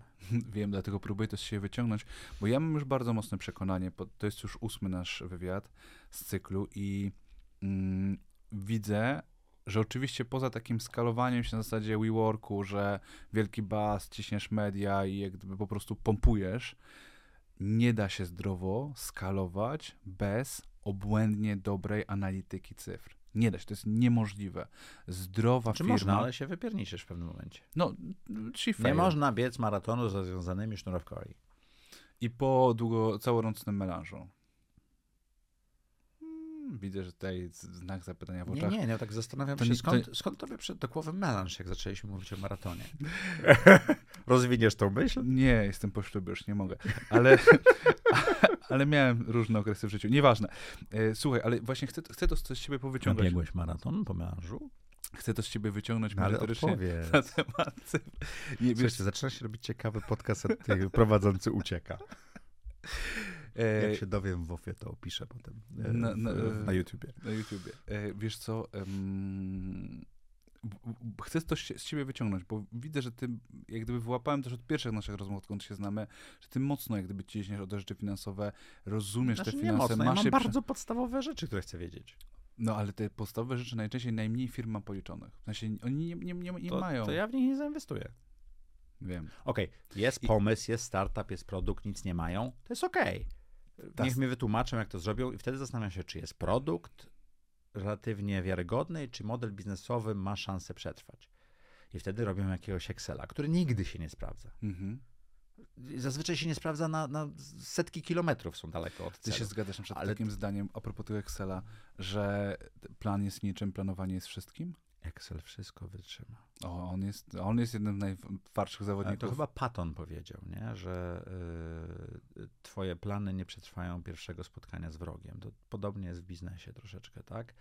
E, Planowanie powoduje, że masz pewien sposób myślenia. Albo go musisz zbudować w ogóle. Planowanie powoduje, że zbudowałeś albo uczysz się tej dyscypliny, nauczyłeś się dyscypliny myślenia o tym, co się wydarzy. W moich czasach, co już było, przepraszam, już jestem stary po 50, ale tak na poważnie, yy, robiło się plany sprzedażowe na 24-36 miesięcy. Robiło się na 2-3 lata. I to powoli się skracało tam do roku, powiedzmy. Potem Mhm. był rok kroczący i się trzymali. Ja w tej chwili, jak widzę plan taki, wiesz, yy, finansowy spółki na rok, to mnie to śmieszy. Prawda, no my jak Przez gdyby... ostatnie trzy lata przeszliśmy przez em, COVID, Drugi COVID. który y, wywalił całą ekonomię świata, nasze wartościowanie, to co kupujemy jako ludzie, to jak kupujemy i tak dalej. Drugi COVID, mój ojciec, mój teściu zmarli w czasie COVID-u i tak dalej, więc też ci to wywala y, czachę, bo dużej części społeczeństwa to e, niestety się też w jakiś sposób przydarzyło, może nie bezpośrednio, ale trochę dalej. E, mieliśmy, już zapomnieliśmy o tym, przecież mieliśmy Polski Ład, który miał zmienić wszystko. No i zmienił bardzo dużo, e, ale to, to było, wiesz, to, to było disruption, które zajęło mi 4 miesiące. Ja nie mogłem się skupić na biznesach, tylko musiałem dostosowywać. em, zmieniły się zasady gry, więc trzeba było dostosowywać swoje pionki, nie? Mhm. E, mieliśmy Polski Ład 2, czy lepszy Polski Ład, tak? Też to pamiętajmy o tym. Żyjemy pierwszy raz od końca lat 90. w Polsce w wysokiej inflacji. Mhm. Tak. Wysokich stopach procentowych. Wysokich stopach procentowych to jeszcze dłużej. E, A na świecie to, to 35 lat chyba było takiego obniżających się stale stóp procentowych. E, Fukuyama, który mówił, że end of history w 90 latach, w 10 roku napisał takie słynne pismo, że tam wiesz, y, Rosja sowiecka upadła i teraz już będzie spokój na całym świecie. Okazało się, że no nie do końca, e, bo był terroryzm, który zapomnieliśmy już o nim. On na Polskę miał mniejszy wpływ, ale pamiętajcie, że ciągle nie możecie wody wnieść do samolotu, nie? A kiedyś to się brało, to się chciało. No i wojna. I nie wojna gdzieś tam w Wietnamie, w Somalii czy gdzieś tam, tylko wojna kilkaset kilometrów od Warszawy i, i pociski spadają na terytorium Polski, zabijają Polaków. Okej, to, to i, i nagle przyjeżdżacie parę milionów osób, które nie przyjeżdża dlatego, żeby szukać pracy, tylko przyjeżdża dlatego, żeby, żeby żyć. Przez ostatnie trzy lata świat się cholernie zmienił. Miałem niesamowitego gościa e, w audycji Zaprojektuj e, swoje życie. Wczoraj nagrywaliśmy, to niedługo wyjdzie. Pewno już to będzie po, po puszczeniu tego odcinka później, ale Grzegorz, który założył Salesmenago, e, powiedział bardzo ciekawą rzecz. Ja nigdy nad tym się tak nie zastanawiałem. Jak byśmy żyli, gdyby nie było tych kryzysów? Mhm. byśmy dalej szli tą, wiesz, trajektorią prostą i tak dalej, nie? Więc to bardzo nas zmieniło. I teraz jak masz roczny plan, i gadałem z firmami, które, wiesz, w środku COVID-u miały roczny plan mówią, mamy 40% niewykonu do rocznego planu, ale to, wiesz, to postaramy się. Mówię, to wyrzućcie tego Excela i zróbcie plan od dziś na 3 miesiące, 6 miesięcy, 12 jako takie, wiesz, op- opcje, żeby widzieć, nie? Nie, nie, no mamy roczny plan, musimy się go trzymać. Mówię, hello, tak? I, i, I to jest to, co się bardzo zmieniło. Ten świat WK jest światem, który bardzo się zmienia. A dodatkowo świat przyspiesza coraz szybciej. Tak? To, że chat GPT, GTP, nie pamiętam nigdy, potrafi już robić rzeczy lepiej niż napisać artykuł, lepiej niż ja potrafiłbym artykuł o projektowaniu życia. Napisałem napisz mi artykuł o projektowaniu życia i tak dalej. Przeczytałem to, mówię, kurde, tylko pół paragrafu bym zmienił i byłoby jak moje. Zastanawiam się, czy w ogóle nie zrobić takiego posta, nie? Tam limit znaków w LinkedInie wrzucić i zobaczymy, czy ktoś zauważy, a potem przyznać się, że tak było. I AI będzie powolutku zmieniało sposób, jak robimy biznes. Tak jak komputery zmieniły sposób, jak robimy biznes, tak jak komórki zmieniły sposób, jak robimy biznes. Jak zamawiasz taksówkę? Idziesz w deszczu na e, postój taksówek i czekasz, aż, łaskawie przyjedzie i płacisz tyle, co ci powie? Czy podjeżdża tam, gdzie chcesz? Zazwyczaj, czasami nie. I się wkurzasz, że nie podjeżdża dokładnie tak, jak trzeba i tak dalej. I patrzysz, że ten pan ma trzy gwiazdki, to z nim nie chcesz jechać. No to, to, to jest coś, czego nie było. iTaxi Stefana Batorego było taką jedną z pierwszych rzeczy, które tak zaczęła robić. Teraz masz ten wybór. Więc planowanie jest ważne, ale planowanie również w jakimś korytarzu zdarzeń. Czyli możemy urosnąć 20%, możemy spać 10%, prawdopodobieństwo takie rzędu 60-90%, że będziemy mieli 7% wzrostu. Co się stanie, jak będziemy rośli szybciej? Co się stanie z naszym cashflowem i tak dalej, i tak dalej? Czy będziemy przygotowani na to? Bo nie mamy takich limitów kredytowych na przykład. A co się stanie, jak będziemy spadali? Czy musimy zwalniać ludzi? No, ja rozmawiałem niedawno z firmą, i, która podjęła decyzję, że musi kilka 10% pracowników zwolnić. Pytanie, kiedy mają to zrobić? Ja mówię, w poniedziałek? To był piątek. Jak to? No, każdy miesiąc to są koszty. Wy już widzicie, że to nie zadziała. Te modele biznesowe, które testowaliście przez ostatni rok czy dwa, nie wypaliły. Zamykamy je. Jedną zostawimy, niech tam se kwitnie powolutku, bo trochę rośnie, ale nie jest warte tej inwestycji. I decyd. Ale Maciek, jak to? No normalnie, teraz jedziecie do domu, wypijecie z dobrego whiskacza i nie, nie szklankę, tylko butelkę, rano się budzicie i zaczynacie działać. I, I, koniec, to trzeba po prostu zrobić. To jest, to jest cholernie trudne, ale przez wysokie stopy procentowe, przez wysoką inflację, przez tego typu rzeczy biznesy muszą podejmować decyzje szybko. Więc i muszą szybko zmieniać plany. Więc te, pięknie powiedziałeś, że plany są niczym, planowanie jest wszystkim. No, plany są narzędziem. Masz plan tej rozmowy. Czy idzie według te, tego planu? Nigdy nie idzie, nigdy nie idzie. Są takie punkty, Ale które... bez tego planu nie byłbyś przygotowany do tej rozmowy. Dokładnie. Mentalnie nie wiedziałbyś o co, o co wyhaczyć tak dalej, i tak dalej. I po to jest planowanie. Nie po to, żeby w 100% być w planie, że mój cashflow jest taki, mój ERZIS jest taki, moja rentowność jest taka i tak dalej, i tak dalej. Bo jeżeli tak zrobisz, to będziesz celował w punkt. A być może pół procenta zmiany spowoduje, że trafisz dalej, nie? To aim for the stars, you may land on the moon, takie słynne powiedzenie, tak? No ale pytanie, czy ci paliwa wystarczy, nie? To też trzeba wiedzieć, ale, ale generalnie to jest kier... Ja na przykład o planowaniu życia, bo ja, ja, ja mhm. bardziej staram się mówić o przedsiębiorczości jako projektowaniu życia, niż przedsiębiorczości jako rzemiośle.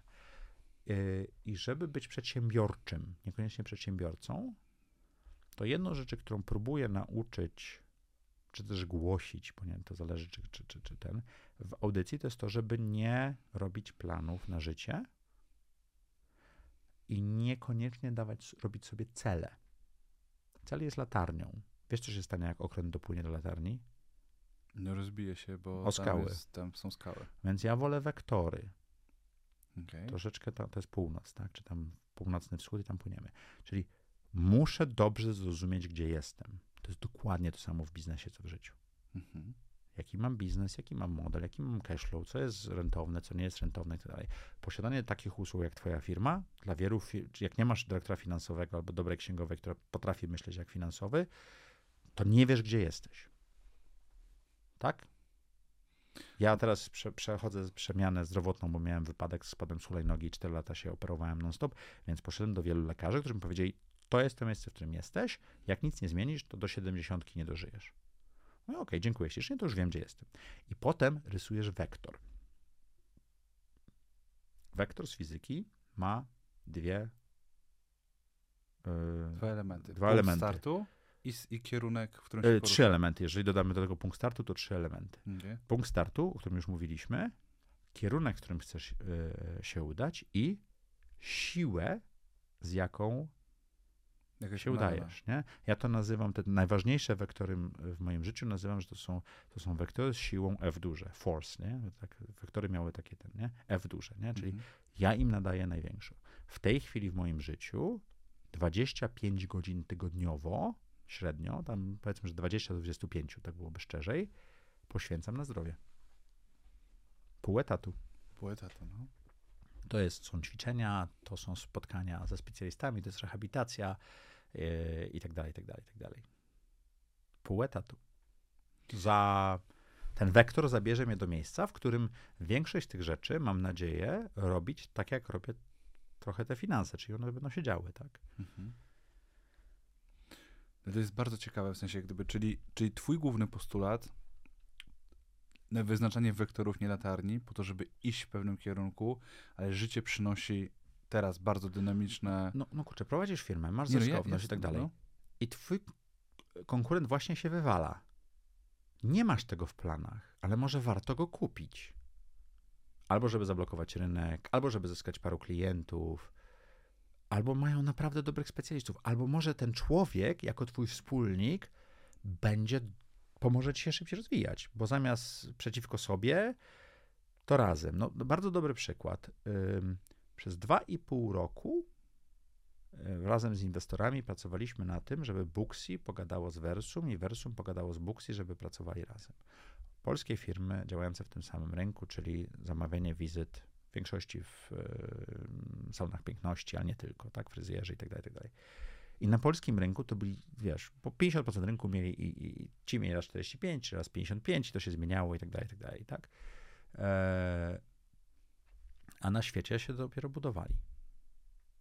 A w dodatku miały, miały zupełnie inną strukturę produktową, bo jedna spółka miała świetny e, marketplace, a druga miała świetny CRM, czy też ERPA bardziej nawet, nie?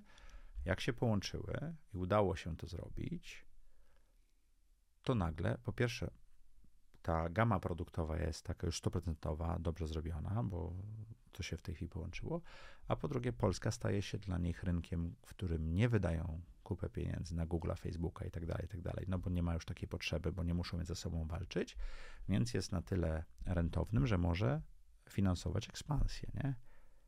Czy to było oczywiste, żeby robić coś takiego w kryzysie? Nie. Ale jeżeli masz plan, że chcesz rosnąć i pojawia się taka możliwość, no to z niej skorzystasz, tak? Albo sprzedajesz część biznesu. Ktoś przychodzi, wyceniasz swój biznes w głowie na 6 razy EBITDA, 8 razy EBITDA, tak? Czyli masz milion złotych yy, earnings before, jak to się po polsku nazywa EBITDA? Nie ma. Nie ma. Referentu. Dobrze. Masz milion złotych zyskowności, tak? Przed yy, podatkami i tak dalej.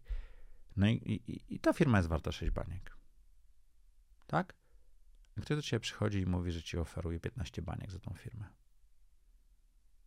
To znaczy, że 15 lat musiałbyś pracować, żeby taką kasę wydobyć. Oczywiście ona się pewno rośnie, więc to nie będzie. I tak siedzisz, zastanawiasz się, no dobrze, a jakie mam pomysły na siebie, na biznes i tak dalej? Sprzedanie firmy może być lepszym pomysłem niż prowadzenie jej. Albo nie. Bo ty wiesz, że firma za 3 lata będzie nie, mia- nie będzie miała e, miliona, tylko 4 miliony złotych. Nawet razy 6 to już jest 24 miliony złotych. Ale musisz mieć te plany, musisz rozumieć, co się będzie działo z firmą. Czy odpowiadam na Twoje pytanie? Odpowiadasz, odpowiadasz. Nie, bo sensem tych pytań jest to, że ktoś słuchając wszystkich odcinków buduje sobie różne perspektywy na te same zjawiska, jak różnie ludzie... Ale ja patrzę na to jako inwestor, wiesz? Mhm. Więc dla mnie produktem jest spółka. Wiesz, a powiem ci, że my mamy taką kulturę pracy ze wszystkimi naszymi klientami, że to jest jedna z pierwszych rzeczy, których uczymy naszych klientów. Bo większość naszych klientów to są właściciele firm, funkcji członka zarządu, czyli tam prezesi, wiceprezesi, w zależności od tego, na kogo padło e, ten proces zarządzania finansami. Jedną z pierwszych rzeczy, którą wnosimy, i to też nas bardzo różni od naszej konkurencji, Mhm. że to, co my przynieśliśmy do zarządzania finansami, my nie jesteśmy, gdyby, my, my nie jesteśmy awansującymi dalej księgowymi. Jesteście e, Jesteśmy właścicielscy. gośćmi, którzy przyszli z Venture Capital i wiedzieli, jak się zarabia pieniądze poprzez dobre zarządzanie finansami. Jesteście właścicielscy. I my wszystkim mówimy, słuchaj, ty jesteś inwestorem w swojej firmie. Inwestujesz czas i swoje pieniądze. życie. Tak. I to jest jedna z, naj, na- jedna z największych zasobów, który w ogóle został ci dany. I I wszystkim jak, jak ludzie na to reagują? Bo to mnie bardzo ciekawi. Prorozwojowi, czyli głównie, głównie nasi klienci, tacy st- startupowi albo bootstrapowcy, którzy Mhm. są właśnie na etapie skalowania się właśnie dobrze, no bo to im trochę przesuwa jeszcze bardziej perspektywę, że nie chodzi o to, żeby mielić, trzeba spojrzeć na całą, na, ca na cały portfel, a dodatkowo przez to, że większość z naszych em, spółek jest już na etapie, albo dużo z naszych klientów jest na etapie, że ma inwestora, to oni też budują w pewien sposób sobie percepcję wartości firmy, bo to jest taka przekątna, która jakieś 10 lat temu weszła z dużym impetem w świat finansów, bo nie liczymy już tylko finansów w ramach danej firmy, zaczynamy mówić, dobra, a ile jest w ogóle warte to, co ja robię? Bo też zaczyna być taka, taka historia, że sam to pewnie wiesz, masz tu i tu milion EBITDA, tak? Czyli milion tego zysku e, przed opodatkowaniem e, i powiększonego o amortyzację. Ale, Strasznie skomplikowane. no ale Mi- no, dlatego EBITDA. Dla uproszczenia, Dla milion zysku czy EBITDA. No właśnie, mi, milion EBITDA. Ale milion EBITDA z usług, a milion EBITDA z SaaSu są warte zupełnie inną, in, i- jak gdyby zupełnie inne A pieniądze. SaaSów się nawet nie liczy po EBITDA, tylko po MRR-ze, czyli Monthly Recurring Revenue. Mi, że jak tak? już masz milion EBITDA, to się bardzo liczy z EBITDA i to jest wiele, wiele razy EBITDA. Nie o to chodzi. I to nie jest ani, ani 6, ani 15. No tak. Mhm. I właśnie o to chodzi, że gdyby że zaczynasz myśleć o tym, że dobra, okej, w- gdyby. Ale dalej jesteśmy tak, że u klientów, którzy dopiero przychodzą, my ich w ogóle uczymy najpierw, te, co- to jest, co to za zwierzę, z czym się je je, jak ono występuje. Później wchodzimy w drugi etap, dobra, no ale to, to co z tym dalej zrobić, jak gdyby jaką to ma wartość. I, i, to, i to jest to, w jakim, w jakim kierunku idą się finanse, więc wydaje mi się, że, że w ogóle ta świadomość e, efektywności biznesu na wielu poziomach e, rozstrzygana, jak gdyby udaje nam się wpompowywać głowę naszych klientów i, Hmm. i budować zrozumienie, bo uważam, że każdy właściciel firmy, który nią zarządza, jest inwestorem, a, a później już jak jesteś właścicielem, możesz robić coś innego, to też trochę inaczej na to patrzysz, bo chcesz mieć dywidendową spółkę albo wiedzieć, że ją sprzedasz za trochę i będziesz miał jeden duży zastrzyk przepływ pieniędzy. No, czasami może nie chcieć sprzedawać zupełnie niefinansowych powodów też, nie? I to też jest okej. Tylko musisz jak gdyby to sobie uwzględnić, nie? Że jak gdyby to jest, że taka zabawa kosztuje ci na przykład 20 baniek, bo gdybyś sprzedał, to mógłby się przyciąć. Sprzedam, będę miał 20 baniek. Kim będę? Tym samym gościem z 20 bańkami. Ale czasami są osoby, które nie są Wiem, w stanie wiem, ale to są te pytania o ego, więc to jest tak... Rozmawiałem z e, człowiekiem z listy top 100, w, powiedzmy w pierwszym kwartylu, nawet Mhm. myślę, że dużo wyżej.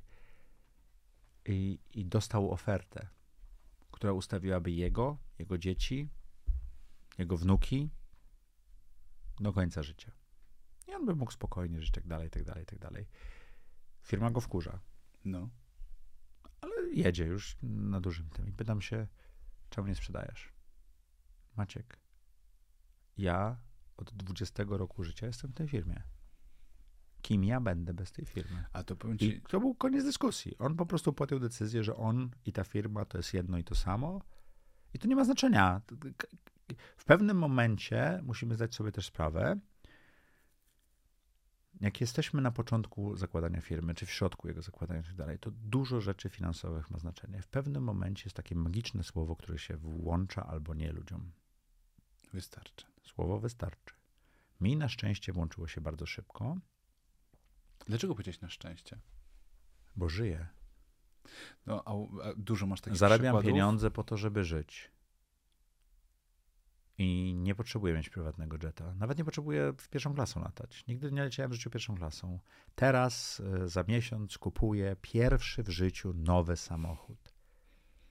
W wieku 53 czy nawet już 4 lat kupię sobie nowe auto. Wow! I to nie, nie jakieś wypasione, nie sportowe, tylko jestem za stary, żeby do Porszawki wsiadać czy do Ferrari, nie? Eee, takie zwykłe. Parę osób się tobą nie zgodziło, ale... Że Dużo- jestem za stary, czy że ten? Że jesteś za stary. To E, y, z moim brzuszkiem spróbuj wysiąść z Ferrari na stacji benzynowej i nie wyglądać śmiesznie. Wiesz co, ale y, dużo osób widzisz taki w swoim otoczeniu bardzo bogatych ludzi, którzy są tak, bo zrozumiałem, to, to co powiedziałeś, żyje, no nie, nie mówisz literalnie, ale tak mówisz tak bardziej wewnętrznie martwy, tak? Oni nie są martwi. Tylko? Nie, oni się identyfikują ze, ze swoim stworzeniem, ze swoją firmą. Okej. To nie jest martwość. To, jest, oni- oni, to są ludzie, którzy dobrze rozumieją, yy, jak działają, co daje im szczęście, co daje im poczucie wartości i nie chcą odcinać sobie prawej ręki. No tak, ale ty powiedziałeś wystarczy i... Jako Ale to mi wystarczyło i pasuje do mojego modelu życia No i do mojego modelu finansowego. Ja spokojnie, znaczy wiesz co, jedną rzecz, którą czasami, ja bardzo rzadko gdybam, Mhm. ale czasami rozważam to, co by było, gdybym nie został w korporacjach i dalej nie zarabiał naprawdę dobrych pieniędzy i dalej inwestował. No to ta krzywa byłaby dużo y, bardziej Stroma. y, stroma. Do góry. No bo y, mój OPEX bym pokrywał y, z, z zarobków i jeszcze by zostawało tych Mhm. z pracy, a, a mógłbym robić inwestycje z tego, co wraca z dochodów pasywnych, plus nadwyżki w zarobkach. Więc mógłbym mieć tych zarobków więcej. I znam ludzi, którzy tak zrobili. Zostali 10 lat dłużej niż ja na przykład. Teraz właśnie to robią na zupełnie innym poziomie finansowym. Takim ze dwa zera więcej. Jedno na pewno znaczące. I. I tyle. To dla, do nich to pasuje, do mnie pasowało co innego, to też wynikało z innych rzeczy w moim życiu, nie? Takie rzeczy też można zrobić. To, to nie jest tak, że jak, jak znajdziesz ten model, wiesz, ja zbudowałem swój model. Jakby spojrzysz na przedsiębiorstwo Maciej Filipkowski, no to zbudowałem model biznesowy, tak? I Jak jest twój model biznesowy? Bo my tutaj dużo rozmawiamy o różnych modelach biznesowych, ale moim zdaniem prywatny model biznesowy też jest ważny, żebyś... A kto ci opowiadał o prywatnym modelu biznesowym? Już nikt. O prywatnym jeszcze nikt. Ja sam o, o nim myślałem, bo ja powiem Jeszcze ci... mam cztery filary. y, y, Model biznesowy, czyli mówimy o dochodach i tego typu rzeczach, nie o tym, gdzie mamy uczucie Ale, i czas. no i w modelu też masz pro, jakąś propozycję wartości, bo ty masz jakąś swoją propozycję wartości, którą wnosisz do świata. Kurczę, nigdy o tym tak nie myślałem. No Okej. to, to, to zaraz dojdziemy, może mi podpowiesz, bo, bo nie Mhm. widzę. Ale y, ten model biznesowy oparty o, y, ja to nazywam filarami, a to są efektywnie produkty, tak? Mam cztery rodzaje inwestycji. Jeden w tej chwili rozwijam, trzy sobie radzą. Mhm. E, Znaczy, dwa sobie radzą, trzeci spróbowałem i to nie jest dla mnie, ale jest coś tam, nie? Jeden to jest inwestycje w firmy. Nudne biznesy, które tam generują cash flow w postaci dywidend raz w roku i tak dalej, i tak dalej. Drugi to są startupy. Ekscytujące, duże ryzyko, yy, zwrot jest zazwyczaj przy wyjściu, nie ma dywidend, czekasz na ten zwrot 7, 10, 15 lat, więc to jest ten. Ale tu już, już na tyle długo jestem, że to, ten portfel zaczyna pracować, potem go zmniejszam, bo ja miałem 34 inwestycje w startupy. W tej chwili jest ich małe, kilkanaście aktywnych, jeżeli nie mniej. Już się pogubiłem. Ponad połowa z nich zmarła e, śmiercią naturalną lub nie. E, część z nich się sprzedała lepiej lub gorzej. Im prędzej się sprzedaje, tym zazwyczaj gorzej. Nie? E, nieruchomości. I to jest takie coś, co ja spróbowałem. Mam jakieś nieruchomości, ktoś tym zarządza, ale nie, nie znalazłem tego modelu jako ten dla mnie. E, ale jest, co, co, jak ja to nazywam, pensja e, początkującego programisty się z tego generuje. Patrząc na to, co to zwraca vis-a-vis kapitał włożony, to niekoniecznie jest to rewelacyjne. Można było na giełdę amerykańską lepiej włożyć, chociaż patrząc na to, co się stało na giełdzie amerykańskiej, dobrze również mam te nieruchomości, tak? Um, w, w, te firmy również wkładam inwestycje na szerokim rynku kapitałowym, za, w większości za granicą, nie? Takie rynki jak Stany Zjednoczone mnie interesują. I rzeczą, którą rozwijam bardzo świadomie od czterech lat, na początku jako hobby, a teraz jako ten, to jest intellectual property, czyli własność intelektualna, czyli audycja Zaprojektuj swoje życie. No, to być może może, może moja, moja teza nie jest dobra, będzie czymś, co kiedyś będzie pasywnie również na mnie pasowało. Na razie od czterech lat nie jest pasywne i nie mam pomysłu, jak z tego zrobić mm, dochód pasywny, ale z drugiej strony to mi sprawia przyjemność. Także zajmuje mi, wiesz, tak 60-80% mojego czasu, który przeznaczam na pracę, to jest audycja. E, nawet 80 chyba bardziej. I to są te cztery filary. Tak? Yy, to, co się nauczyłem, jeżeli chodzi o poduszkę bezpieczeństwa, to jest 6 yy, miesięcy pieniędzy od razu dostępnych, kolejne 6 do 12 miesięcy pieniędzy bardzo szybko dostępnych i kolejne 6 do 12 miesięcy pieniędzy dostępnych w ciągu 3-4 miesięcy. Czyli mogę wyjąć, czyli te inwestycje są mniej rentowne, ale jestem w stanie e, sięgnąć po nie. Mogę upłynić i na przykład zainwestować, albo nie dostanę dywidend przez dwa lata, to będę miał z czego żyć. Czyli tam nie ma żadnego, no, nieruchomości nie sprzedasz, jak się rynek załamie. Albo sprzedasz za z dużym dyskountem, ale są inne rzeczy, które możesz e, zrobić. E, Morgan Hassel, nie wiem, czy czytałeś. O! Tego nie słyszałem. Psychologia pieniędzy. Gdzieś mi przelatywały. Proszę Państwa, to jest czwarta książka, która jest moim filarem. Okay. Psychologia pieniędzy Morgana Hassela jest również po polsku. Książkę należy przesłuchać, przeczytać, zrobić notatki i powtórzyć proces trzy razy. Dlaczego? Bo o, jest o tym, jak pieniądze działają na nasz mózg i jak mózg, nasz mózg działa na pieniądze. Tak, dam, dam ci taki bardzo prosty przykład, który hmm. nawet mnie zaskoczył, a wydawało mi się, że kumam pieniądze. Jeżeli masz milion dolarów, złotówek, to nie ma znaczenia czego, i zainwestujesz go na 10%. Inwestycja jest bardzo prosta, wkładasz na rok, po roku dostajesz 10%. Albo masz milion, ale zainwestujesz tylko 900 tysięcy na ten rok, a stówę zostawisz gotówką. To która inwestycja jest lepsza? Czekam na twist. No, ale tu, tu, zarabiasz 100 e, tysięcy, a tu zarabiasz 90 tysięcy. Która inwestycja jest lepsza? No, zależy od kontekstu, że to jak Która inwestycja mówię... jest lepsza? Dla ciebie osobiście, którą inwestycję byś wybrał? Dla mnie? Mhm. Mam dużo bieżących wydatków, bo buduję dom, więc potrzebuję tej stówy na bieżącą płynność no to nawet nie powinieneś w ogóle nic inwestować. Mhm. No nie masz bieżących wydatków. Którą inwestycję byś wybrał? Takich bieżących e, typu dom i tak dalej. Masz ten dochód, który ci zapewnia to wszystko. Jakie inwestycje mi schodzą? Co, czy mam szansę, że coś... Odpowiedz na pytanie, nie, nie unikaj odpowiedzi. Nie no, jak gdyby, kurczę, wiesz co, no ja w inwestycjach spędziłem prawie 10 lat, więc jak gdyby tam nie ma prostej odpowiedzi. Tam Ale jest twoja osobista, wiesz, y, y, obligacje Skarbu Państwa, no. No. Którą wybierasz? W całą kasę wkładasz 90%. Całą. No właśnie. Twoje dziecko trafia do szpitala i potrzebujesz 100 tysięcy, żeby zapłacić szpital, musisz zerwać inwestycje, dostajesz milion złotych z powrotem, nie zarobiłeś nic w tym roku. No ale to wiesz... Więc prawdopodobieństwo, że coś no. takiego się wydarzy w ciągu roku jest no. bardzo wysokie. Dużo lepszą rzeczą jest inwestowanie części swoich pieniędzy niż wszystkich swoich pieniędzy, posiadanie gotówki na nieprzewidywane sytuacje, zarówno pozytywne, jak i negatywne.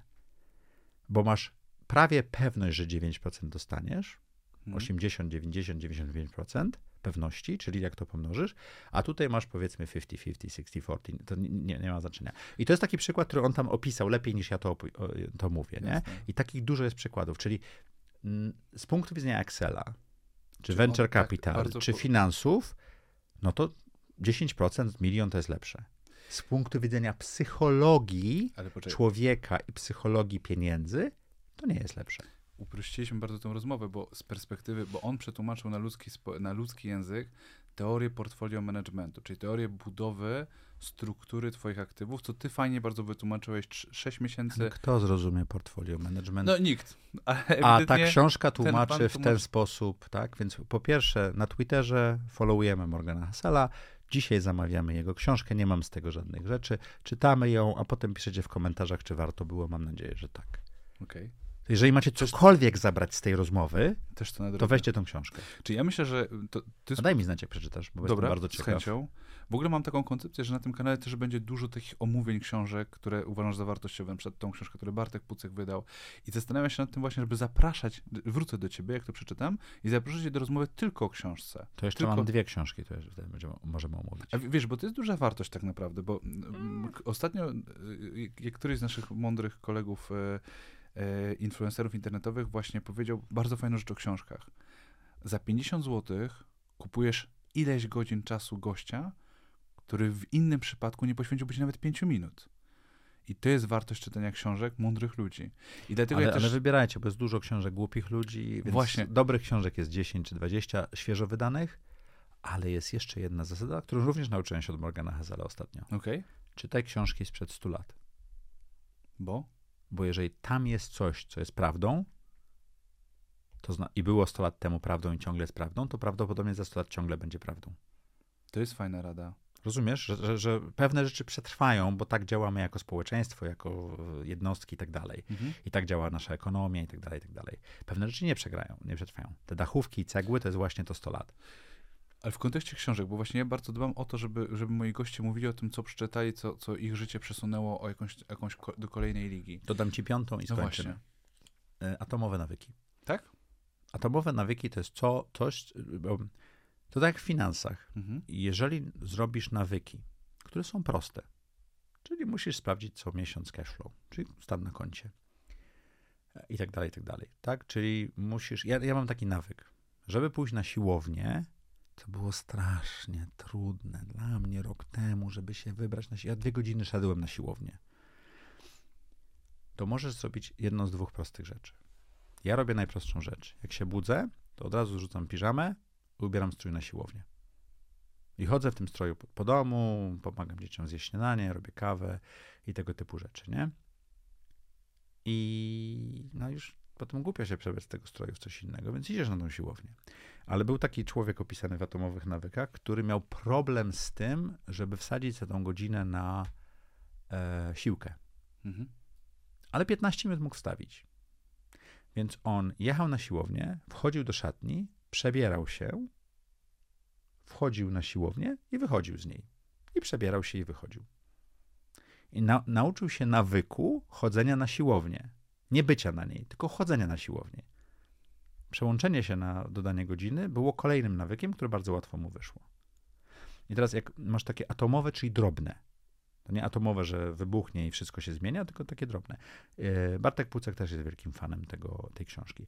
Atomowe nawyki powodują, że możesz robić e, taki habit stacking, czyli układać je jeden na drugim. Mhm. Czyli jak rano robisz kawę, to możesz to i to i to i to. Czyli ta rzecz jest triggerem, wywołuje, że robisz to, a to, a to, a to, a to, a to. I nagle masz 15-20 minutową rutynę, która powoduje, że jesteś 100% dalej niż ktokolwiek inny o 7.30 rano. Okej. Okay. Ja w tej chwili próbuję się nauczyć języka nowego, tak jako ćwiczenie. No i próbuję sobie podłączyć właśnie, jeszcze nie wiem pod co, te, te, te 5 minut z portugalskim co rano. To jeszcze nie działa, ale znajdę ten trigger. Bardzo ciekawe. Dziękuję za te książki. Wydaje mi się, że one są taką, a propos oddawania, o którym powiedziałeś, ten, ta, ta, dla mnie ten podcast i to, ten, ten kanał na YouTube też jest taką formą oddawania, no bo ja was wszystkich, których tutaj zapraszam, poznałem, miałem okazję czegoś nauczyć, te rzeczy mi przyniosły wartość, więc też tą wiedzę staram się pchać dalej w świat. darmowo po prostu, bo, bo widzę sens tego. Mhm. Ja zatytułuję ten odcinek, to co dla mnie było najważniejsze i co uważam, że bardzo ciekawie pokazałeś, jest o budowaniu swojej wolności finansowej. Dałeś parę bardzo... Niezależności poproszę. Właśnie, bo to też, też, też miałem to pytanie zapisane na początku, a, a prze, prze, przeskoczyliśmy nad nim, bo zaznaczyłeś różnicę pomiędzy niezależnością a wolnością i że ty rozgraniczasz te dwa terminy. Tak. Dlaczego? No bo dla mnie... W jaki wol- sposób je No rozgraniczasz? to, to, to, jest, to jest semantyka i czysto moje, tak? Wolność, jak jesteś wolny, to robisz wszystko. Żaden z nas nie jest wolny. Dużo aspiruję. Czy było dużo ruchów, które Ale nie jesteś wolny. Masz wolność, no? dzieci, masz e, współmałżonka, współmałżonkę, albo masz kogoś, na kim ci zależy, masz rodziców, e, kupujesz, kupujesz dom, masz hipotekę, którą musisz spłacać i tak dalej. To nie jest wolność, to jest zależność. I teraz mm, ja to opisuję najlepiej jako taką marionetkę. Jesteśmy marionetką. Mhm. tak? I mamy dużo sznurków. Wiele systemów, wiele instytucji, wiele osób może za te sznurki ciągać. Jak odetniemy wszystkie sznurki, to spadniemy. Mhm. Przestaniemy co, cokolwiek robić i znaczyć. Tak? To jest ta, ta, taka ekstremalna wolność. Zaćpałem się na śmierć. Bo mogłem. Mhm. Wielu artystów tak zrobiło. A teraz, jeżeli zostawimy te sznurki, na których nam zależy, które nas definiują, które są naszymi wartościami, ale odetniemy te, które nie są potrzebne, to być może nie będziemy mieli tak pięknych ruchów. No ja nie jestem prezesem jakiejś tam wielkiej spółki, nie mogę występować, wiesz, przed inwestorami giełdowymi i tak dalej. No ale mi na tym nie zależy. Przestałem nosić garnitury, chociaż ostatnio zastanawiam się do nich nie wrócić, tak, ale już totalnie dla przyjemności, nie? Ale miałem taki odrzut, że Inaczej się je nosi, nie? Jak chcesz, to tak, a jak, a jak to jest, wiesz, ja, ja 5-6 garniturów zużywałem rocznie, tak, tak dużo to było robione. Przepraszam, to, Ale to jest... Dygresja, dygresja. Dygresja i nie dygresja. To tak, to ale, mo, ale można jeszcze sznurek, sznurek wtedy przyczepić, bo teraz nie kupowałbym garniturów, tylko bym se uszył, bardziej by do mnie pasowały, tak, Tak. jak ja chcę i te kieszenie by były gdzie chcę i tak dalej, bo mnie stać. Więc niezależność powoduje to, że zależymy od rzeczy, obiektów, e, instytucji, e, uczuć, na których nam zależy, ale nie zależymy od reszty. Ja mam taką zasadę. Ja czytam maile w poniedziałki i w piątki. Jeżeli napiszesz do mnie maila we wtorek, to ja go zobaczę w piątek. Jeżeli wysyłasz mi we wtorek, czy nawet w piątek, w poniedziałek wieczór coś, bo to koło południa się dzieje, co jest super ważne i do wtorku muszę zrobić, to jest twój problem, nie mój. Kropka. A jak twoi partnerzy biznesowi sobie z tym radzą? Uj, Uj. jestem w radzie nadzorczej, wiesz, dużej spółki i tak dalej. I oni, oni wiedzą, że jak nawalili, bo nie byli przygotowani z czymś, na przykład na radę nadzorczą, przypomnieli sobie po, to walą we mnie. Jest jedna metoda komunikacji, którą odbieram. Nie Mhm. zdradzam jej, która to, bo jeszcze są Slacki, wszystkie inne, Whatsappy i tak dalej, i tak dalej. Ale jest jedna, którą czytam regularnie. I oni wiedzą, że tam w razie to do mnie dotrą, ale jest też tego koszt. Bo jak ja mam pójść i otworzyć maila, bo ktoś nawalił, No. to ten ktoś zrozumie, że dla mnie to jest wyjście poza rutynę. Bo ja postanowiłem, że mail nie jest dobrą formą komunikacji dla mnie i nie będę robił łańcuszków. Jak masz problem, zadzwoń do mnie. Jak chcesz coś e, przegadać, zastanowić się, zadzwoń do mnie. Jeżeli chcesz, masz poważniejszy problem, spotkajmy się, tak? Jeżeli chcesz, żebym coś przeanalizował, wyślij mi to, zrobię to wtedy, kiedy mi pasuje. No bo ja zarządzam swoim czasem. Bardzo dużo mówiliśmy o pieniądzach. Walutą, w której ja liczę swoją wolność czy niezależność, jest czas. I są takie okresy y, w ciągu roku, gdzie, gdzie jej nie czuję. Styczeń jest takim okresem, gdzie mamy dużo więcej nagrań w audycji i ja mam po prostu załadowany kalendarz i jestem wściekły. Bo ja chcę móc wstać i wyjść w dowolnym momencie i nic się nie stanie z tym, co ja robię. Audycja mi to troszeczkę e, zabiera, no bo jest co tydzień odcinek wychodzi i tak dalej. My nie nagrywamy ich regularnie, tylko w takich e, baczach. No i styczeń jest takim zawsze miesiącem, gdzie jest więcej nagrań. E, No ale już od marca praktycznie do konferencji, którą robimy za projektu swój biznesowy wzrost, chyba 27 kwietnia, się dobrze pamiętam, to tak jakbym chciał pojechać na cztery miesiące, cztery tygodnie gdzieś, to świat by się nie zawalił. I prawdopodobnie tak będzie, że pojadę, bo już na jakiś wyjazd na Grenlandię się szykuje, być może coś jeszcze cieplejszego i tak dalej. I, I, bardzo chętnie to robię. Oczywiście, biorąc pod uwagę rodzinę i wszystkie inne zobowiązania, to, to tam jest to przeplatane. I teraz, jeżeli zaczniesz maksymalizować i optymalizować swój czas, to pieniądze mogą w tym pomóc. Ale jeżeli będziesz optymalizował swoje pieniądze, to czas raczej będzie ofiarą tego. Bardzo fajne podsumowanie i myślę, że w tym miejscu bym to zostawił. Czyli value finance and value time. Value what matters. Value what matters. To byłoby dobre, tak. Fajnie, widać, że masz to przemyślane i widać też, że masz to stestowane e, w swoim życiu. Nie robisz tego od Jeff miesiąca. Bezos powiedział piękną rzecz jako miliarder. Było pytanie, jak to jest, że on jest, że Amazon odnosi tyle sukcesów. On mówi, że jest zbudowany z blizn. Żeby dojść do takiego poziomu, trzeba robić dużo eksperymentów i dużo testować. Większość rzeczy, które próbujesz, nie wychodzi bardzo rzeczy. Biznesowo to jest ok, ale również życiowo, emocjonalnie, towarzysko też się człowiek potrafi połamać, tak? Nie tylko spaść z hulajnogi, tak jak ja. No i tak, no to tak jest w życiu, że żeby dojść do pewnego poziomu świadomości, pewnego poziomu finansowego, to musimy pewne rzeczy połamać, żeby się zrosły na nowo i były silniejsze. Super. Dzięki. Mamy to? Mamy to. Do zobaczenia i to jest fajna seria. Myślę, że warto oglądać, a również zapraszam Was do Zaprojektuj swoje życie tuż po tym odcinku. W czwartek o czwartej. Dziękuję, że doszedłeś, doszłaś do tego miejsca. Bardzo mi miło, że prawdopodobnie Ci się podobało i chciałem Cię ogromnie poprosić o dobienie subskrypcji, lajka i wyszerowanie tego odcinka z kimś, dla kogo to będzie wartościowe. Zapraszam po kolejną twardą wiedzę. Value Finance, zewnętrzny dyrektor finansowy, księgowość i szkolenia dla szybko rosnących firm.